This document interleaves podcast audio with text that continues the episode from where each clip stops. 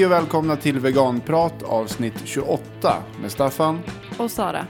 Den här gången har vi intervjuat Emmy Voxep som är vegan och textildesigner. Sen blir det en halvårsrapport från Martin Smedjeback och hans eh, projekt Ett år för djuren. Men först, hur mår du? Den senaste tiden har jag känt mig lite svag, Ja. lite skakig. B12-brist? Ja. Förmodligen sitter det i mitt huvud. För ungefär varannat, var tredje år så får jag för mig att jag känner mig ganska svag.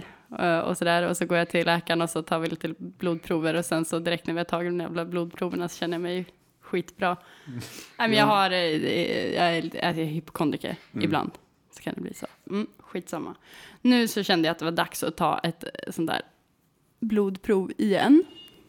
Eh, Och jag var lite nojig innan jag gick in till läkaren för att jag har läst i någon så grupp på Facebook, någon bara säg aldrig till din läkare att du käkar vegankost för de glömmer det aldrig och de kommer typ, vad du än söker hjälp för någon gång under resten av ditt liv så kommer de kunna dra eh, eller göra slutsatsen att det beror på en vegetabilisk kosthållning. De sätter ett V i protokollet, Mm, i eller hur? Så journalen. bara, där rött V.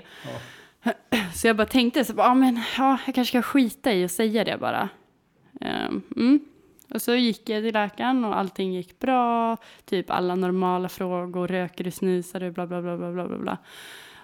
Um, lyssna på hjärtat och lungor och sånt där. Allting verkade vara hur bra som helst. Och sen så typ tackade vi och så skulle jag gå därifrån och så kände jag att ah, skönt, så här, slapp, eh, ingenting handlade om kost eller något sånt där. Och så säger läkaren bara, ja just ja, ehm, du, jag måste bara fråga, du har, har väl inte någon sån här extrem kosthållning? Alltså du är inte vegan eller något sånt? och så var det så här super awkward silence och jag bara, jo, alltså jo, jag är vegan. Och läkaren alltså skämdes så jävla hårt och bara, alltså ursäkta mig, nu vart det här väldigt fel. Eh, jag menade inte så, utan alltså det, är för, det finns de som äter kött som är sjuka. Eh, man blir inte frisk av kött. Jag bara, nej, nej, nej, jag vet. Typ så här. Han bara, ja, eh, ursäkta mig att jag sa extrem. Eh, jag bara, ja, alltså det är lugnt så här, typ. Jag vet. Men sen var det lugnt. Han bara typ så här, bara, men vet du vad du ska äta? Och jag bara, ja, jag vet. Men Alltså jag vet att jag ska ta B12-tillskott och sånt där, men av någon anledning så är jag sjukt dålig på det typ. Men eh, ja, Men tror du att det är B12 nu? jag vet inte. Nej, jag vet inte. Nej, förmodligen är det ju Förmo- ingenting. Nej. Alltså jag har ju haft Ja. låga B12 typ värden typ innan jag var vegan. Mm. Eh, och det finns ju jättemånga, alltså typ alla har ju väl B12-brist nu för tiden. Även om en käkar massa grejer med, Ja, Våran syrras kille har väl B12-brist? ja, Han, är ju... han äter kött Ja. och typ massa mjölkprodukter och skit. Så att, anyways, Jag tror ändå att du äter för lite kött. ja det tror jag med. Fett, protein, kolhydrater får man från kött. Men det roliga var ju att läkaren typ sa extrem kosthållning och att han var så övertygad om att jag skulle säga att jag inte var det. Mm. Alltså titta på mig som att typ så att det var lite så här, de där veganerna, du är inte en sån. Och så bara, eh, jag är en sån. Stackarn. Ja, ja, skämdes jättemycket, jättemycket alltså. Bra att han skämdes. Alltså vissa läkare skulle säkert inte ha skämts. Så bara, Mm. Nej. Nej, för det vart ju ingen så här, alltså jag fick ju ingen föreläsning eller någonting. Det var bara väldigt så här, du, Mm. du vet hur du ska äta. Jag bara, ja, ja, ja, jag vet. Han var väldigt trevlig och så där också innan. Och så väldigt, inte som du tror att läkare är, att de bara ser en kropp och inte ser människan. Han var en väldigt trevlig läkare. Jättetrevlig. Vad hette hen? Anders. Nu tycker jag att vi ska prata om eh, förra avsnittet, i det här avsnittet. Carolina och Gustav, grisbönderna som blev veganer. Vi hade ju en liten tanke innan vi la ut det här att fan det här är, det är ganska stort typ. Eh, eller vi var helt så här, när vi hade lyssnat på intervjun och bara fan vad, fan vad, eh, fucking guldgruva, så tänkte vi. Flytande guld. Flytande guld var det. Så vi tänkte att det skulle få lite spin och att det skulle generera lite eh, lyssningar typ. Men det vart ju helt sjukt. Ja, det tog ju hus i helvete. På ett bra sätt. Ja. Det, här, det avsnittet har ju slagit alla tänkbara rekord som vi har i veganprat. Mm. Jag var inne och kollade nu precis innan. Och det är uppe i nästan 4 000 unika lyssningar. Och, och normalt så ligger ett avsnitt runt kanske eh, 1000-1500. Mm. Någonstans. F- över 40 kommentarer. Mm. Det brukar vara fyra kommentarer. per avsnitt. Men det var ju en, det var ju en bra rubrik. Alltså från grisboende till vegan. Oerhört tydlig historia. Den, en, en sån rubrik lockar ju till lyssning. Och, ja, det är inte bara veganer som vill ha ett sånt avsnitt. Det vill ju alla höra. Mm, ja, det känns oerhört Ja, men det är från hemlös till miljonär. Eh, f- ja, Det är den typen av story. sensation. Ja. Ja, men de första dagarna och första veckan, första två veckorna så var det liksom, alltså det var ganska mycket spridning och mycket lyssningar och det kändes som att det var, det var igång och att, att deras historia kom ut typ. Ja, alla veganer blev ju helt saliga. Och det var ju kul också att det kom ju även in eh, icke-veganer på vår hemsida. För första gången. Inte vad jag vet. Men vi har ju ofta väldigt trevliga kommentarsfält där folk liksom, det är lite tummen upp och sådär.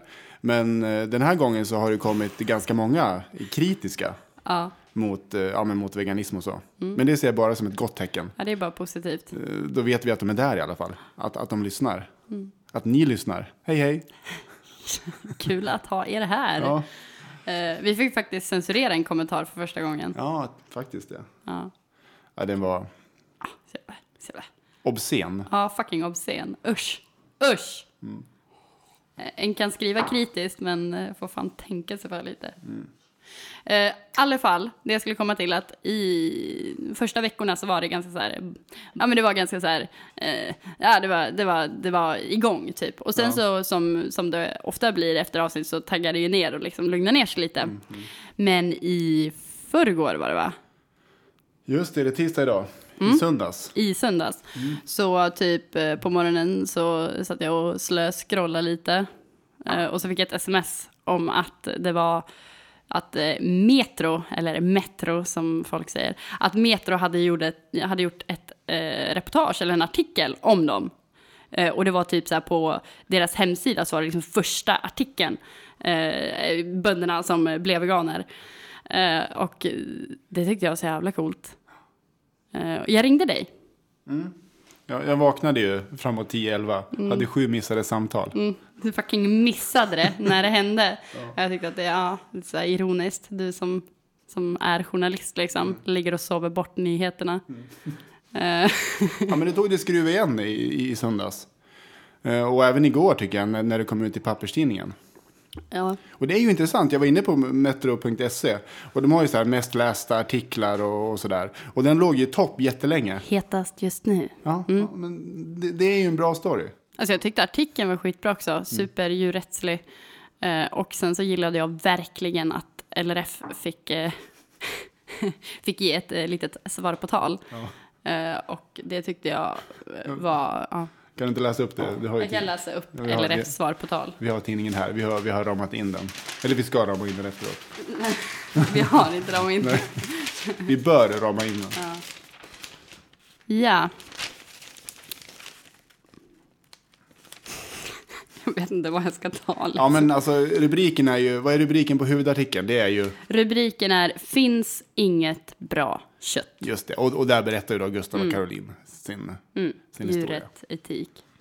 Så kommer eh, LRF och rubriken på deras lilla svar på tal är Bönderna är stolta.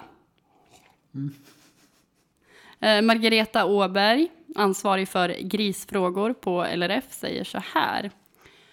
Eh, De flesta grisbönder jag känner som har varit med i många år är väldigt stolta över sin grisuppfödning och tycker om sina djur. Och de har grisar just för att de är intresserade av det. Jaha. Mm. Ja, det var ju inget svar. Nej. Ja, jättebra. LRF. Ja, det var väl någon som tyckte att det var onödigt att LRF fick komma till tals. Såg jag på nätet.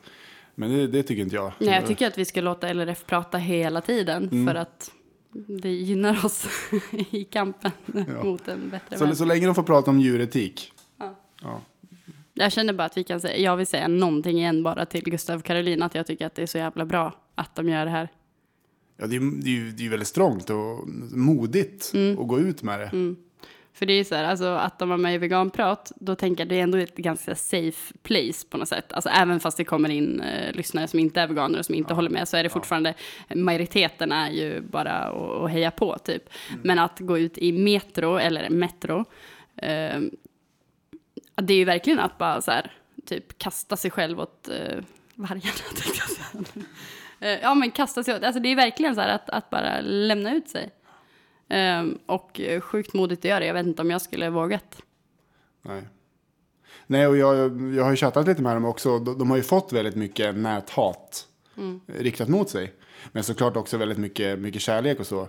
Ehm, vi kan väl berätta hur vi kom i kontakt med dem Ja, det kan vi göra. från första början. Ja. För det var ju så, vi var ju på Vegofesten i Örebro i början av maj. Och Gustav, det är ju han som arrangerar hela Vegofesten nu i år. Han har tagit över det från de tidigare arrangörerna. Och eh, ja, vi stod där. Vi hade ett infobord och vi hade våran vän Robin med sig. Och hans mamma. Robins mamma, ja.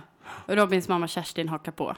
Mm. Och alltså, men jag Gustav, du pratade ju med Gustav när vi kom. Ja, och typ så här, ja, han pratade så här, det en trevlig person ja. liksom, en vegan. Och det var så här, ni får stå här Mm. och det var ju den grejen. Behöver ni el till bordet och ställa sådana frågor? Trivs ni? Sen var det inget mer med det. Mm. Sen så typ ska vi gå och käka. Eh, och så säger bara eh, Kerstin då bara, ja men han Gustav, jag pratade lite med honom, han är jättetrevlig. Han, eh, han äter ju bananer nu mest. Han, de äter väldigt mycket bananer, han och hans tjej. Och de var ju bönder förut, hade ju grisar. Och nu så är de veganer och äter bananer. Och vi bara, hä? Va? Va, va, va. Vänta, vänta, vänta. vänta. Har de varit grisbönder? Ja, de har haft grisar och så, men sen så slutade de med det och blev veganer. Och det var så här, vi, alltså det var så här, vi typ frös lite grann och bara nej, det här kan inte stämma typ. Eh, och det roliga var att Robbie var ju typ så här, det, det, det är inte säkert att det är så, hon kan ha fattat fel. Så vi var så här, nej men det, ja, så att vi hade ju ändå så här, jag bara, men Staffan du måste gå och prata med Gustav och se om det här stämmer typ. Men vi var ju fortfarande så här, nej, det, det är nog inte så. Nej. Det var så. Ja, det var så. Nej, men jag kutade ju fram till Gustav direkt och, och frågade bara. Jag har hört att du har varit grisbonde tidigare, men nu är du vegan, stämmer det? Så- stirrade så, eh, konstiga ögon. Eh, och ja, eh, sa han. Det, han bekräftade ju det. Men det var som att jag kunde inte riktigt tro det här. Det var, lite, det var för bra för att vara sant. Eh, så jag, jag, jag fick för mig att han var vegan av hälsoskäl bara. det kunde inte vara av djuretiska skäl. Nej. Så jag bara, "Ah, ja men vad skönt för vegan. Ja, ve- veganism det är väldigt bra. Bra för hälsan och så. Och jag, nej, nej, nej, nej. Alltså, det är dumt att ha djur. Jag, för djuren. Eh, det var en väldigt trevlig intervju också. När jag åkte hem till dem. Eh, några veckor senare. Eh, För, för tanken från början var ju egentligen att jag bara skulle prata med, med Gustav. Det, var han som, det är han som har varit bonde då. Men sen så satt vi och snackade där lite innan och då var ju Caroline med också. Och sen typ, ja, du kanske också vill vara med. Och, ja, så att det var bara fem minuter innan intervjun som det bestämdes att även hon skulle vara med. Och jag, jag tänker att det var det som gjorde att eh, intervjun blev så levande och bra. Just deras samspel, att de, att de fyllde i varandra och liksom speglade varandras känslor och sådär. Absolut. Nej, men det är kul också att de vill, vill vara med och berätta sin historia. Och Gustav, han är ju väldigt sådär stridbar och han har pratat om att han gärna vill skriva debattartiklar och hålla föredrag. Och jag vet att de bland annat ska vara med på någon vegetarisk mässa i höst och, och berätta om sin historia. Eller det kanske handlar mer om vegetabiliskt jordbruk och sånt. Ja, det är skitbra. Ja, det betyder jättemycket för djurrättsrörelsen. Just nu så pågår Almedalsveckan på Gotland för fullt. Och apropå grisar och grisbönder så gjorde landsbygdsministern Sven-Erik Bucht ett eh, minnesvärt framträdande. Det var så att han var med på en programpunkt som hette Vem slaktar den svenska grisen om inga slaktare utbildas? Och i början så eh, skojade han till det lite grann och lättade upp stämningen med ett barndomsminne. Vi lyssnar. Har du slaktat någon, eh, någon gris någon gång? Ja, du vet, jag har varit med så länge så att eh, jag har gjort det hemma på morfars gård. Eh, Ja. eh, har vi slaktat gris, satte dem i en trälåda med hett vatten och dra med kätting och skålla dem. Okej. Det är du. Ja, det var kul. Mm, kul story. Från Eskil Erlandsson till Sven-Erik Bucht. Bucht. Vad är det med våra landsbygdsministrar? Ja, men som du sa, först Eskil, gammal grisbonde, många minnesvärda uttalanden. Och sen förlorade Alliansen valet. Det var lite så här god stämning. nu kommer någonting nytt. Och så får vi Sven-Erik Bucht. Mm. Samtidigt, ja, vi lever i en specicistisk värld och det känns så givet att landsbygdsministern kommer vara en, en top notch specicist. Om det nu finns sådana. Jo, Men för ja, all del. det Ja, blir alltså, bara, jag vet inte, någonstans får den fan dra gränsen tänker ja, jag. det här blir väldigt osmakligt. Alltså, jag hade, nej, jag hade inte förväntat mig en antispecicist som landsbygdsminister. Inte en på 50 år typ. Nej. Men det känns som att, ah, lite väl skarp lutning på uppförsbacken med eh, Sven-Erik. Allt kan hända. Allt kan hända. Titta på Gustav liksom. Ja, Det vore något, alltså det, det, det skulle ju få mycket större spridning. Sven-Erik Bucht, från landsbygdsminister till vegan. Kan hända. Ja, det kan hända. Nu tänkte vi ta en Så blev jag vegan-historia. Och den här kom på mejlen för ett tag sedan.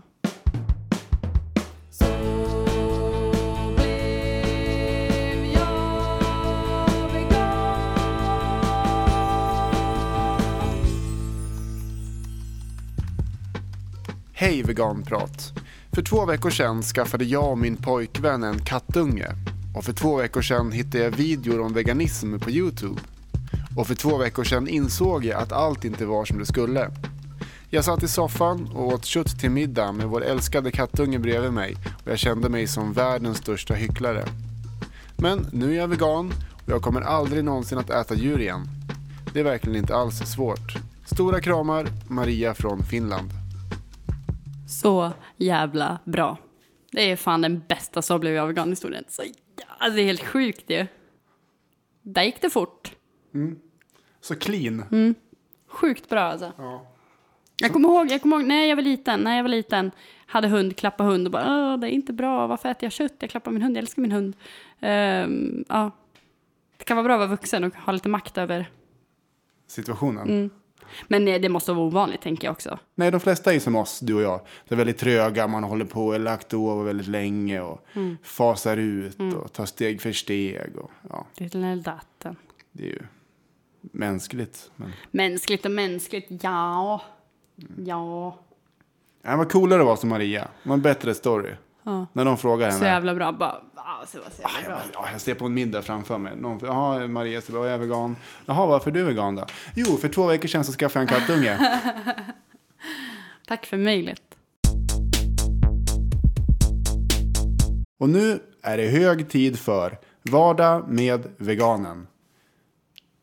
Du knäpper lite. Vad psykar dig. Ja. Och ger dig extra jobb i klippningen. Tack för det. Del 25.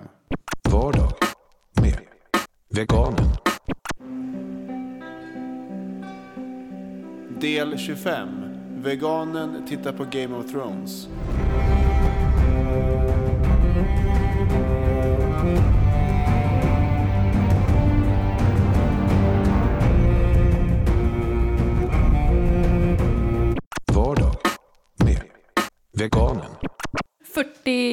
Veckor kvar. 40 veckor kvar. Eller vad fan är det? Hur många veckor är det kvar? Till nästa säsong. Ja. Älskar got, älskar got. Got. Eller så, säger man så? Jag vet inte om man säger så. Jag brukar säga game. Men man förkortar det GOT. Nej, men det var ju en väldigt bra säsongsavslutning här för, för några veckor sedan. För er som inte har sett det så kan jag bara säga you know nothing.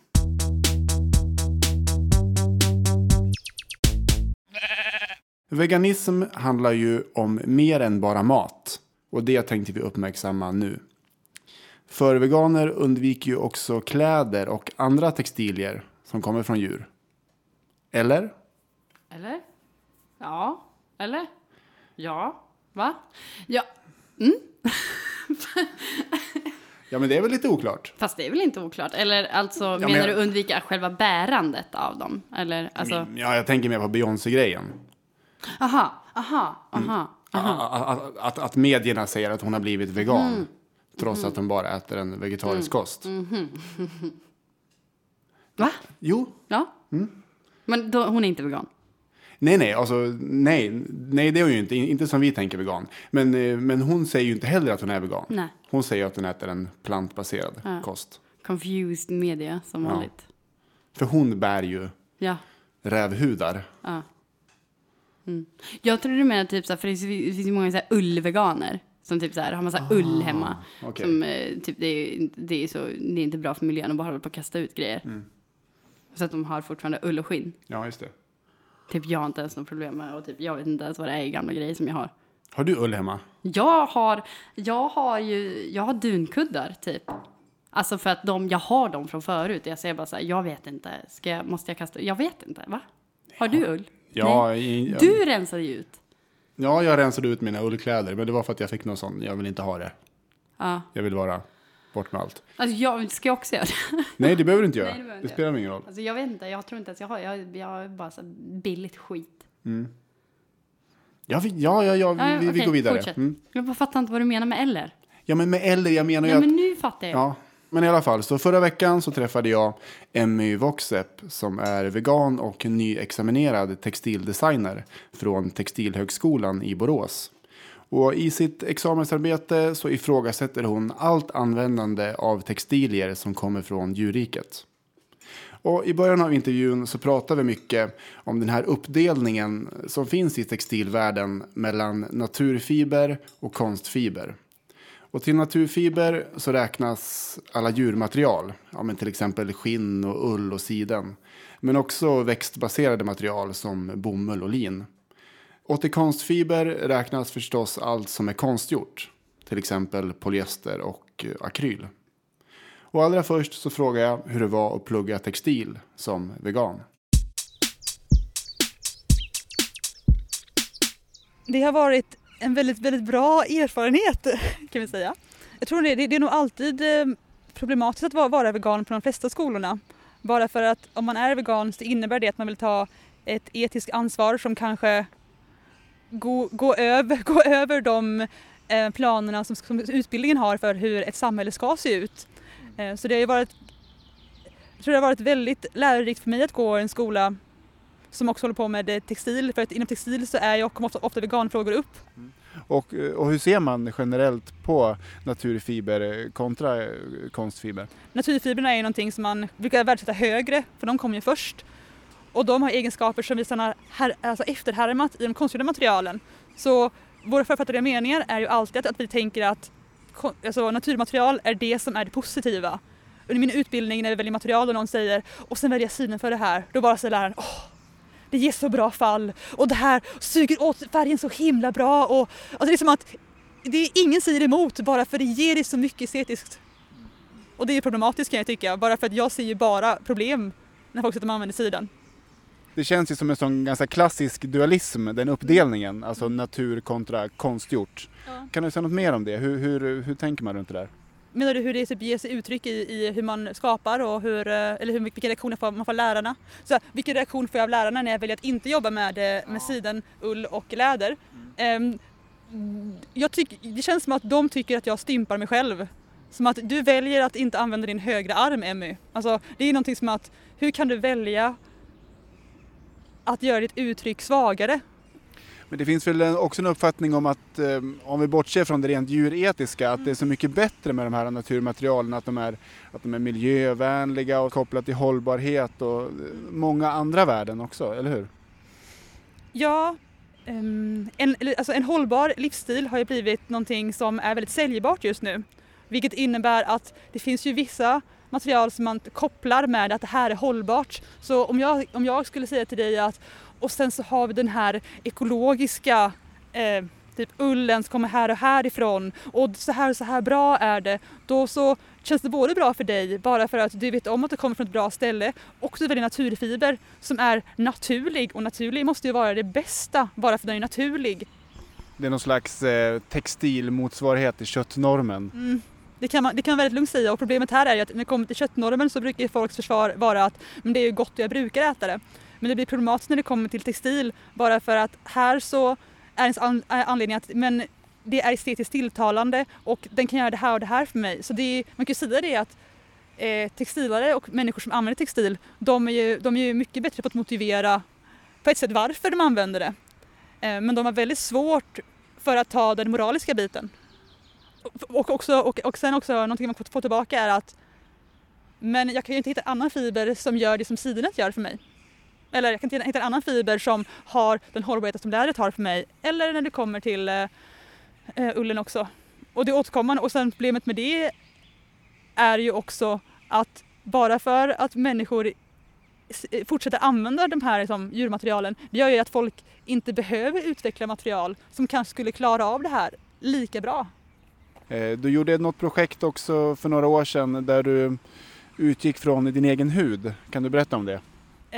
Någonting som är väldigt, väldigt bra är ju att göra mönster som får folk att känna saker. Och ett sätt, sätt att få folk att känna saker det är ju att göra ett mönster som kanske inte är typiskt fint eller snyggt utan man istället har en dubbelhet i dem.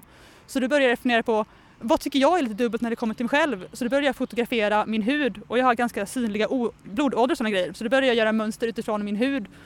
Och det tyckte folk var väldigt jobbigt. Bara för att de visste att det, det var min hud. Och grejen är också det, vem vill bära någon annans hud? Jag, och jag kände det när jag stod där framme, när folk frågade mig det att men det är ju det här, när jag, när, jag, när jag vill prata om det här i djurtermer då tycker ni att jag är konstig. Men när jag först förstår att den ska bära min hud då tycker ni att jag är jättekonstig igen. Det är väl kanske samma äckel som många känner för att äta människokött. Mm, ja, jag tror det är ganska likartat. Eh, Och under våren nu så har du arbetat mycket med eh, ditt examensarbete, Mm. Dying Diversity. Eh, vad hade du för ingång till det? Min ingång var egentligen att jag kände att det saknades ett ställe för mig när det kommer till textilbranschen. Att mitt jobb finns inte. Då tänkte jag, då kanske jag borde skapa mig ett jobb kanske mera. Och då tänkte jag vad jag saknar. Jag saknar etiska värderingar när det kommer till textildesign. För det, det finns liksom inte. Så det jag gjorde, gjorde mitt arbete var att skapa en designmetod själv med, med, med etiska värderingar. Eh, som jag kallade det, det engelska ordet är text ethical design, vilket innebär textil, textil och etik är sammanslaget i ett ord. Och utifrån det så valde jag att använda mig av tekniken eh, färgning. Och då färgade jag bara med saker, saker från mitt, eh, mitt hem, valde jag. Du, från den punkten. Eh, och jag valde även då att bara jobba med, med saker som var biologiskt nedbrytbara. Man kunde producera dem i Sverige, de fick inte innehålla gifter och sen fick, fick, fick det inte komma med djur heller. Det var så här, mina hållpunkter. Och genom den här, den här metoden, eh, metoden och med min eh, färgning så app- applicerade jag det här på en vävtextil liksom. Jag läste din dokumentation och du använder ordet specicism bland annat. Jag tror att det använts förut på Textilhögskolan. Jag är väldigt säker på att det inte har gjort det. Eh, De, de frågade mig om det var ett riktigt ord och sen när jag visade att jag hade så här kurslitteratur som, som stödde det här liksom, då blev de väldigt förvånade. Du har med dig lite prover också. Ja. Vad är det för någonting? Ehm, det är lite smått och gott. Ja. Ehm, jag har valt tre fiber och jag valde lin bara för att det kan, det är, den, den är en bra så här, strukturhållare i mina former. Jag tycker väldigt mycket om att skapa tredimensionella former. Och jag valde polyvinylalkohol som kallas för PVA. Det här är PVA. PVA när den är, har blivit nedblött och sen tog det var vatten igen. Och ifall jag skulle ha den nedblött längre skulle den bara försvinna. Men dens egenskap är att den kan, kan både skapa en tredimensionell form och den kan även, eh, så här, um, även fånga, upp, fånga upp färgpigment. Så när jag har PLA också på polyvinylacetat. Vilken färg är det här skulle du säga? Det är ju blåbär. Om man kollar, kollar noggrant på den så är det ju blåbärsfrön i den fortfarande. som faktiskt fortfarande inte har ruttnat, vilket är spännande. Så jag, jag har en tanke att PVAn även kapslar in vissa grejer som gör att de inte möglar. Vissa grejer möglar. Eh, men den här har inte möglat. Eh, och den är ju typ, eh, den är väldigt typ lila-rosa liksom. Eh, och även om du mötte lite motstånd under själva arbetet Mm. med, med det här då, så, så, så har jag förstått att själva examineringen gick eh, väldigt bra. Ja, det, gick, det var väldigt förvånande för mig för jag hade det motigt och det var väldigt svårt ehm, att få folk att få förstå liksom vikten av det, det jag höll på med. Jag kan säga det att jag har äh, jättebra klasskompisar och, som har stöttat mig så ju. Men det, det, det kan vara lite jobbigt eh, när man eh, är på en akademisk utbildning och sen så får man inte samma respons av, ens, eh, av, liksom, av utbildningen i sig. För det är där man vill ha den också, ifall man vill nå högre studier, som jag också vill. Och så fick jag väldigt, väldigt positiv respons från mina, de som gick i klassen under mig, vilket gjorde mig verkligen jätte, alltså, jätteglad. Bara för att jag tycker det är viktigt att man både för textildesign framåt när det kommer till kanske högre akademisk nivå ska komma ut i liksom, industrin och ut i världen. Men det är även viktigt att, man- att man, att man eh, sår lite hopp och idéer som, som går, går, går klassen under en. För det är i utbildningen som man borde fånga upp folk att vilja göra andra saker. Jag gillar sista meningen där i dokumentationen. Skapa, skapa det du vill ska finnas i världen. jag tycker att jag hade lite storhetsvansinne när jag skrev det, men det var det jag stod för. Eh, för jag, jag, jag tänkte det att jag tycker inte att andra, ett, ett ett problem kan ju vara ofta när man, när man gör saker att man tänker att man vill att andra folk ska göra det man själv vill. Men jag vill att mitt arbete ska mer gå ut på att det här är det jag gör, men jag vill att du ska tänka efter vad du vill ha och hur du ska, ska, ska, se ut och skapa efter det istället.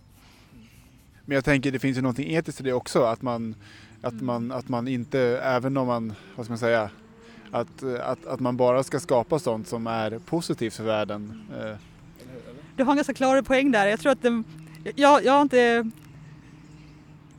Det kanske var en hint också kan jag säga till min utbildning. Att jag vet att man ska lägga en annan, annan värdering i det man gör än bara liksom när det kommer till produktion och kanske pengar och alltså estetik. Att det finns ju, när man skapar så finns det faktiskt ett, ett värde som är etiskt också. M- Man märker det. På min utbild- utbildning märkte jag det tidigt att vi fick höra att nu, ni kommer komma in i en bransch nu börjar ettan där det kommer vara väldigt, det kommer vara giftigt, det kommer vara överkonsumtion, det kommer vara dåliga material och ni kommer vara en del av det här. Då blir man ju lätt väldigt ned, alltså, nedstämd och tänker att jaha, det kommer inte kunna bli bättre heller för att här säger de personerna som borde veta saker som är lärare att det här inte funkar. Och då har jag kommit på det över tiden att men det stämmer ju inte.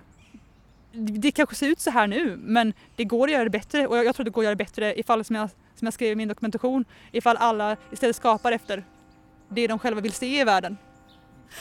Det börjar regna nu och mina grejer försvinner när det regnar så att eh, nu packar jag ihop saker. ja, just det. Ja, materialet krymper vid vatten, eller hur är det? Ja, det krymper eh, och sen så ifall det förlänger regnet så börjar det försvinna helt och hållet. Men först så blir det, blir det bara väldigt, väldigt, eh, väldigt blött och hårt. Vi, kan, vi kanske kan röra oss lite härifrån. Men jag tänkte bara en en fråga som jag eh, glömde ställa där. Det var kring det här med, med hudar, människohudar och djurhudar. Du hade någon idé om att utveckla den idén? Eh, min idé var att, det är ganska, att, det är intressant att se eh, alltså att folk reagerar så hårt när det kommer till människohudar. Så då skulle jag vilja kombinera det i relation till djurhudar. Kanske, kanske få, upp en, få upp någonting i det. Så att man, man skulle kunna göra mönster som utgår kanske från en människohud men man kan få uttrycket att se ut som skulle vara en djurhud. För att det triggar ganska mycket hos folk och kanske får dem att fundera på var, varför känner jag så mycket när jag ser en, någonting som jag inte kan, riktigt kan bestämma.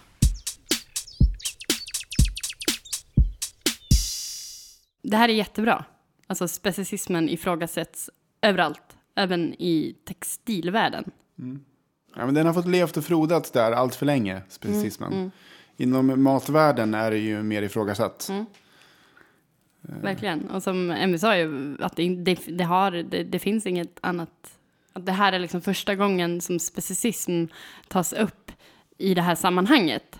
Och eh, det är ju bara så jävla bra. Jag tänker att det, det kommer bli väldigt många konflikter inom utbildningsväsendet. Alltså när veganer pluggar till saker där det finns djurprodukter. Och bara som det, så här, specicism, det begreppet. Alltså Ja. även akademiker bara vet ju inte ens att det finns. Bara, mm. Nej, men jag tänker även alltså veganer som pluggar till medicin. Det måste bli en clash där mellan djurförsök. Och bara, och få, det, det uppenbara är ju om en vegan börjar på kockhögskolan. och inte vill använda djurprodukter. Ja, det kommer nog vara lite tungt till en början, tänker jag. Men eh, Ja, men då är det bra att sådana som Emmy och andra eh, banar lite väg. absolut. Utvecklar nya strategier och metoder. Och, Och som Emmy sa i intervjun också, att det, jag tänker att det är så viktigt också för de som kommer eh, i, i här utbildningar, liksom, att det finns de före som liksom pratar om det, uppmärksammar det och det liksom smittar av sig. Ja, säga, till. Man förstår ju också de här lärarna som kanske har jobbat där i väldigt, väldigt många år. Och, eh, och, och att ens liksom ifrågasätta ett material som siden eller skinn eh, på, på, en- på en etisk grund. Det, det, måste ju, det träffar ju liksom rätt in i, I hjärtat. ja, i hjärtat ja, och liksom hela, eh, hela idén om vad textil är och har varit. Ja, intressant också det här med ja, men hur det värderas. Det här att det naturliga uppvärderas alltid medan det konstgjorda ser vi ner på. Eh, Och, och inom den här världen blir det ju extra tydligt då. Mm, verkligen. Och det blir ju som, som det poängterades i intervjun att, att det liksom blir outforskat potentialerna som typ mm, konstfibrer skulle kunna ha eh, inom textil. Jag kan inte... jag försöker så här låtsas att jag kan, att jag kan hantera Textillingon. Ja, det kan inte jag. Okej, jag säger, jag säger utan. Säg det på ditt sätt. Ja, men så här. Ja. Ja, men det blir ju så jävla så här, det, det, de här eh, konstmaterialen då, skulle ju, det finns ju säkert potential. Vi skulle kunna forska, vi skulle kunna ta fram liksom skitbra grejer, men det kommer inte hända så länge vi inte ja, men ifrågasätter naturmaterialen eller naturfibrerna. Och, och att, men det är ju såklart att, att, att vi kan få fram skitbra grejer eh, om vi bara lägger lite kraft på det. Nej, det gäller ju bara att folk ska sluta att se djur som kläder. Det är ju, det går jag igång på. Det här med djurhudar och människohudar. Det hördes kanske i intervjun där också. Det är sjukt spännande alltså. Alltså jag, jag gjorde direkt kopplingen till eh, När lammen tystnar, filmen. Eh, mördaren där, eh, Buffalo Bill, eh, om ni kommer ihåg. Han, det är, han är ju seriemördare och han, han mördar kvinnor och tar deras hud och syr sig en dress. En slags eh, en, en, en kvinnodräkt som han vill ha. Ja, Alltså, Och det är oerhört obehagligt. ja, det är väldigt obehagligt. Och det är inte det att han dödar folk som är så obehagligt, för att det är man ju ganska härdad. Men det är just den här dräkten som ska sys av människohud. Sitter, har inte så symaskin och grejer också och sitter och så här nynnar och mm, med nålar i munnen. Eller det, ja. Mm. Det är det som är i hela den filmen. Att, eh, och det, alltså, jag, jag såg om den eh, för några veckor sedan när jag började tänka på det här. Eh, Att den är så fruktansvärt djurrättslig. För att det, han gör, Buffalo Bill, han ser ju människor som resurser och inte som individer. Han ser ju människor så som människor ser djur. Och, och, och, han, är- och han och Hannibal Lecter är ju samma. Alltså Hannibal Lecter, han, han ser ju människor också som resurser, som mat. Eh, Och det är det som... Just ja! Spännande, jag måste också se om den. Det typ, mm, blev min favoritfilm när jag var sju år gammal. Och så tittade jag på den väldigt mycket under min uppväxt. Men jag har inte sett den så mycket Lämplig om. favoritfilm för en sjuåring. Ja, eller hur? Men det, det finns ännu mer i den också. Eh, nu när jag hade mina veganglasögon. Eh, huvudrollsinnehavaren, Judy Foster, som spelar Clarice. Alltså bara, bara den här titeln, När lammen tystnar. Eh, det, det, det handlar ju om en fritagning. Eh, minns du? Alltså hon berättar ju för Hannibal för att han, han ville veta mer om hennes barndom. Och, och då berättar hon om att hon, hon hamnar i en fosterfamilj när hon är liten. Och, och, och ligger och sover på natten. Och sen hör hon det här hemska ljudet. Eh, och det är lamm då som skriker. Och som växer gryningen. Och, så går hon ut till bondgården. För hon är på en bondgård då. Där fosterfamiljen bor på en bondgård. Och, eh, och, och ser då hur lammen slaktas. Eh, och sen, eh, sen försöker de befria lammen. Men, men de går inte ut, utan de står bara kvar helt paralyserade. Så då, då tar hon ett lamm som är väldigt tungt och så springer de bara så fort de kan åt något håll. Och sen blir de då infångad och eh, lammet, eh, Tystnar. lammet tystnar. Ja. Ja. Och hon får inte vara kvar i den familjen längre. Så hon har ju det där. Hon har ju, hon har ju liksom empati över artgränserna till alla. Och hon vad heter det, identifierar sig också väldigt starkt med det här offret i filmen. Som sitter nere i brunnen, om du minns, den här kvinnan. Eh, det är ju samma sak där. Alltså att, och, och, hon är ju motpolen till de här mördarna. Hon visar Både omsorg. slaktaren och, Vad sa du? både slaktaren och mördaren. Slaktaren? Ja, jag tänker hon, har ju, hon, hon, hon, hon försöker ju, alltså det slaktaren gör, hon försöker rädda den individen från slaktaren och mördaren, den individen. Att hon Ja, jämställer ju människa och djur. Den är så jävla bra den filmen alltså. Ja, väldigt, väldigt bra. Men det är ju det som är, det är det som är så intressant. Det är ju det som gör att den är så jävla läskig. Att de här två personerna, Hannibal Lecter och mördaren, att de ser människor som objekt. Det är ju inget mer än ett köttstycke. Måltid. Det vill man ju inte vara. För några avsnitt sen så intervjuade vi freds och djurrättsaktivisten Martin Smedjeback om hans projekt Ett år för djuren. Och för er som inte har hört det avsnittet så är det så att Martin har valt att ägna hela det här året åt att arbeta för djuren på olika sätt. Och nu har halva året gått, så Staffan stämde träff med Martin för att få en lägesrapport. Ja, nu är du halvvägs in i ditt projekt, ett år för djuren. Hur har det varit? Det har varit eh, jättekul tycker jag. Det är ett privilegium att få jobba heltid för djuren. Har det varit som du har tänkt dig? Ja, men det har det nog eh, varit. Jag visste ju inte riktigt vilken respons det skulle ge, men jag tycker att jag har fått väldigt bra respons och kunnat jobba med väldigt både trevliga och engagerade och, och spännande människor. Och det gillar jag. Vi pratade ju lite innan om vad du har gjort och det är ganska många saker. Jag har skrivit upp det här. Du har bland annat hållit ett tiotal föredrag. Dels om strategifrågor för djurrättsrörelsen men också om psykologin kring köttätande. Sen har du lett workshops. Du har gjort videointervjuer, filmat panelsamtal, skrivit blogginlägg, varit coach i veganutmaningen. Och nu senast har du varit utbildare på en internationell djurrättsträff i Berlin. Hur har du hunnit med allt det här? Ja, det har ändå varit sex månader och det är ju eh, hemligheten är ju att eh, jag har inte gjort någonting annat. och man hinner ju ganska mycket på en eh, heltid ändå. Och det är ju för att människor har valt att stötta mitt projekt så att jag inte behövt ha någon annat arbete. Det är ju hela hemligheten egentligen. Jag tycker inte jag har arbetat mer än någon annan egentligen. Uh, ja. Men du har ju hållit en del workshops, bland annat det här om hur man pratar med köttätare. Eh, hur kom du in på det spåret? Jag har ju varit en del ute på vegomässor och andra djurrättsarrangemang och ehm, de har ju varit väldigt roligt att åka på. Eh, och det görs väldigt mycket bra ute på de här arrangemangen. Men det jag skulle säga saknas eh, är just workshops, lite mer interaktiva moment. För många bra föreläsningar är det. Men det blir lite tråkigt tycker jag att bara lyssna, sitta och lyssna. Det är så passiviserande. Så att om man kan ha inslag av där man själv får göra saker, rollspel, eh, andra former av interaktiva övningar, så tror jag att eh, vi kan lära oss mer i djurrättsrörelsen. Till exempel så när det gäller eh, hur man kommunicerar är ju det någonting man inte bara kan lära sig genom att läsa.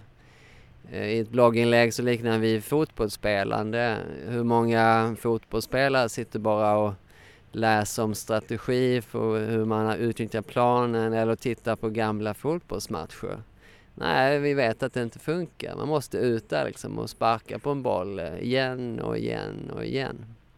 Samma sak tror jag i kommunikation. Vi måste lära oss hur reagerar jag, hur, eh, vilka känslor kommer upp i specifika situationer och hur, vilka knep kan jag använda för att hantera de här situationerna. Men hur gick det till där, till exempel i Örebro på den här workshopen? Vad var det för typ av övningar?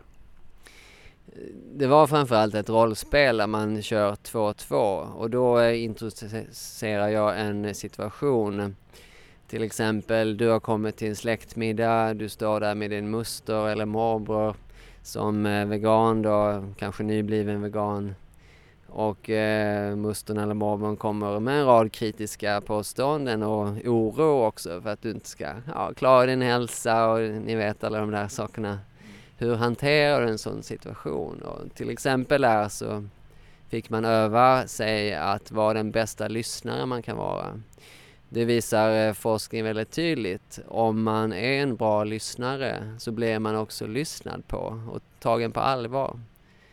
Och eh, en ett misstag som jag tror de flesta gör, och det gäller inte bara veganer, det är att bara, bara vi liksom pratar, pratar, pratar och liksom ger de bästa argumenten så kommer man att vinna, citat, eh, debatten.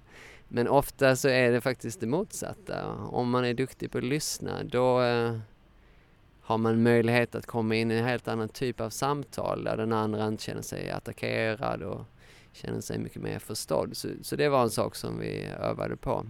I rollspel man får spela upp korta sekvenser och sen utvärderar vi det. Hur gick det? Vad kan vi lära oss av det här? Hur kan jag testa nästa gång? Och jag upplever, eh, eller sätts i en sån här situation. Eh, och nu nyligen så har du varit nere i Tyskland, i Berlin, på en internationell eh, djurrättsträff. Vad var det för någonting? Det var en eh, vegan activism training kallar vi det och jag var en av utbildarna tillsammans med tre andra och en annan var Melanie Joy, en amerikansk psykolog och författare. Och bland annat tog vi upp eh, kring hur man kommunicerar eh, och det var eh, Melanies eh, roll som psykolog Eh, Eh, ja, lite av det som vi pratade om eh, tangerar lite av de exemplen som jag höll då i mina workshops. Men också hur kan man tänka strategiskt kring vad bör vi fokusera på, på vilka områden i veganrörelsen. Och det kom aktivister, 30-tal aktivister från 15 olika länder eh, i Europa. Otroligt stimulerande att träffa alla de här och höra hur går djurrättsrörelsen i deras länder och vilka utmaningar står de inför från Östeuropa till oss eh, i norra och västra delarna. Eh, Och jag har aldrig varit på något liknande så jag tyckte det var väldigt eh, kul. Vad, vad sa de då? Hur går djurrättsrörelsen och vad har de för utmaningar? En känsla jag bär med mig från Berlin det är ju eh, i alla fall att det går framåt i stort. Sen att det går framåt snabbare i vissa länder, som i Tyskland verkar det ju hända väldigt mycket. Eh, vi fick en visning på hur många kokbö- veganska kokböcker det kommer ut. Och 2013 kom det ut kanske typ 13 stycken. Eh, 2014 var det 50 stycken. Då tänkte de nu är väl marknaden mättad och sen nästa år kom det ut typ 50-60 stycken. ja, det gick i alla fall väldigt snabbt framåt. Men till exempel i Bulgarien, där är det fortfarande väldigt ovanligt att vara vegan. Det är kanske där Sverige var, ja, jag vet inte, 20 år sedan eller någonting sånt. Och så de har- eh, känner ju lite tuffare. Men, men just det här att träffas över nationsgränserna, då kan ju även de se att men, eh, om några år så kanske vi kommer dit där vissa länder är idag, där de har haft lite större framgång. Och just att dela erfarenheter, det tror jag är så otroligt viktigt. eh. Och eh, när du var i Berlin så vet jag också att du träffade Peter Singer. eh, Den, den kanske mest kända av alla djurrättsfilosofer. Ja, det var fantastiskt och det var en ren slump också. Jag hade bokat in min resa så att jag kom några dagar i förväg till Berlin. Så jag skulle kunna gå på lite mer restauranger, det finns mycket veganrestauranger i Berlin. Och så eh, fick jag reda på att Peter Singer skulle komma dit. Och eh, han är kanske den person som har eh, påverkat mig mest i alla fall av de som jag inte känner. Det var hans bok eh, Djurens frigörelse som fick mig att bli vegetarian eh, för typ 20 år sedan. Och jag har följt eh, honom och hans eh, böcker eh, ja, genom hela livet nästan, känns det, vuxna livet. Så det var stort att träffa honom och jag eh, mejlade honom innan och frågade om jag kunde få en kort intervju. Vilket jag fick också, en videointervju eh, och den kommer förhoppningsvis att komma upp. Jag gjorde i samarbete med Djurens Rätt. Och eh, om du blickar framåt. Det har gått ett halvår av ett år för djuren. Det är ett halvår kvar. Eh, vad ska du göra härnäst? Jag har en del spännande grejer i pipelinen eh, faktiskt. Eh, sen är det mycket av hösten som inte är, är inbokad ännu. Det är ett av de stora privilegierna med ett sånt här år. Jag har ingen som säger till mig exakt vad jag ska göra. Jag kan ta det lite som det kommer. Till exempel har jag gjort många intervjuer som ligger på min dator som jag inte faktiskt eh, hunnit att redigera och lägga upp. Så lite sådana saker. Många blogginlägg som jag har funderat på att skriva men som inte har blivit av ännu. Så att, ehm, men det som står eh, härnäst är en vecka i Almedalen eh, och där har jag varit flera år nu i rad. Det tycker jag är så himla kul. Det är så mycket aktivitet, så mycket engagerade människor. Och eh, jag kommer åka dit med svensk mat och miljöinformation. Ja, men då får jag önska lycka till i fortsättningen. Tack, det var jättekul att vara med eh, på Veganprat.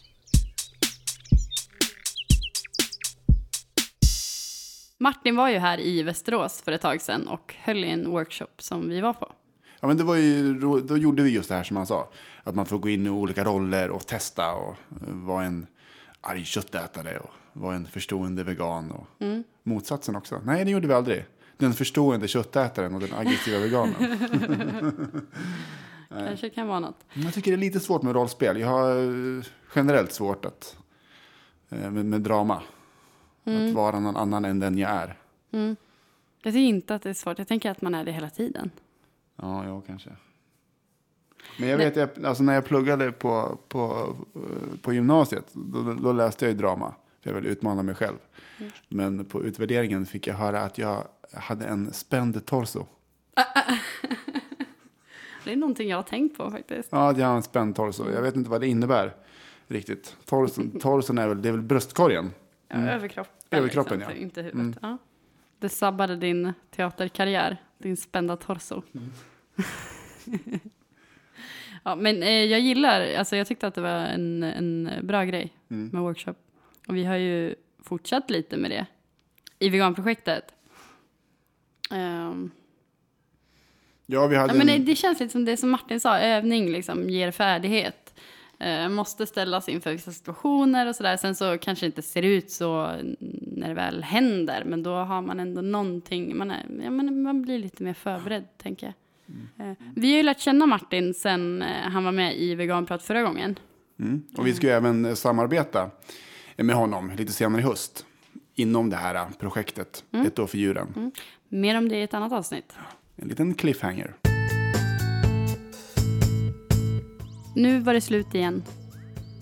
Det tar slut så fort. Ja, vi är lite sena med det här avsnittet. Eh, Du menar... För eh, den uppmärksamme. Ja, just det. Vi har brutit månadsregeln. Är den känd våran månadsregel? Eller är det bara det vi, jag tänker att den är känd för vi pratar om det hela tiden. Bara, vi måste, jag tror- måste spela in månad, månad. Ja. Nej, det är ingen fan Nej. Alltså, Men, men det vi- har tagit lite längre tid. Men vår regel är ju att om vi spelar in ett avsnitt till exempel 16 april. Då har du och jag som att då måste nästa avsnitt komma före 16 maj. Jo, Och om det då kommer den 10 maj. Då måste nästa avsnitt komma före 10 10 juni. ja, 10 juni. ja. Mm. Det är vårt system. Det gick inte bra nu. Nej, förra var ju 27 maj. Och nu är det, idag är det den, 30. ja. Det vet jag för det blir ny surf imorgon. Jaha ja. Surf på mobilen. Ja, Eh, ja eh, så kan det gå. Mm. We're busy, busy, busy doing nothing. Vi spelar också in sent på kvällen. Det brukar vi inte göra. Nej, det kanske hörs. Lite kul att eh, Martin är i Almedalen nu, som han sa i intervjun. En annan som är i Almedalen nu är ju Sven-Erik Bucht. Tänk om de träffas. Undrar hur den kommunikationen kommer se ut. Jag tror säkert det går väldigt bra. Och, och, och Martin liksom, ja men, ja men är sådär att man är väldigt lyssnande. Eh, Sven-Erik Bucht går på Skåda grisar och slänga in dem i. Mm. mm, det ena specicistiska barndomsminnet efter det andra. Ja, Ja, men om någon ska lyckas omvända Sven-Erik så är det då är det Martin. Där är Martin. Och eh, ni får gärna skicka ett mejl. Kontakt snabel a veganprat.se Eller lämna en kommentar. veganprat.se Och eh, Twitter, Facebook har vi.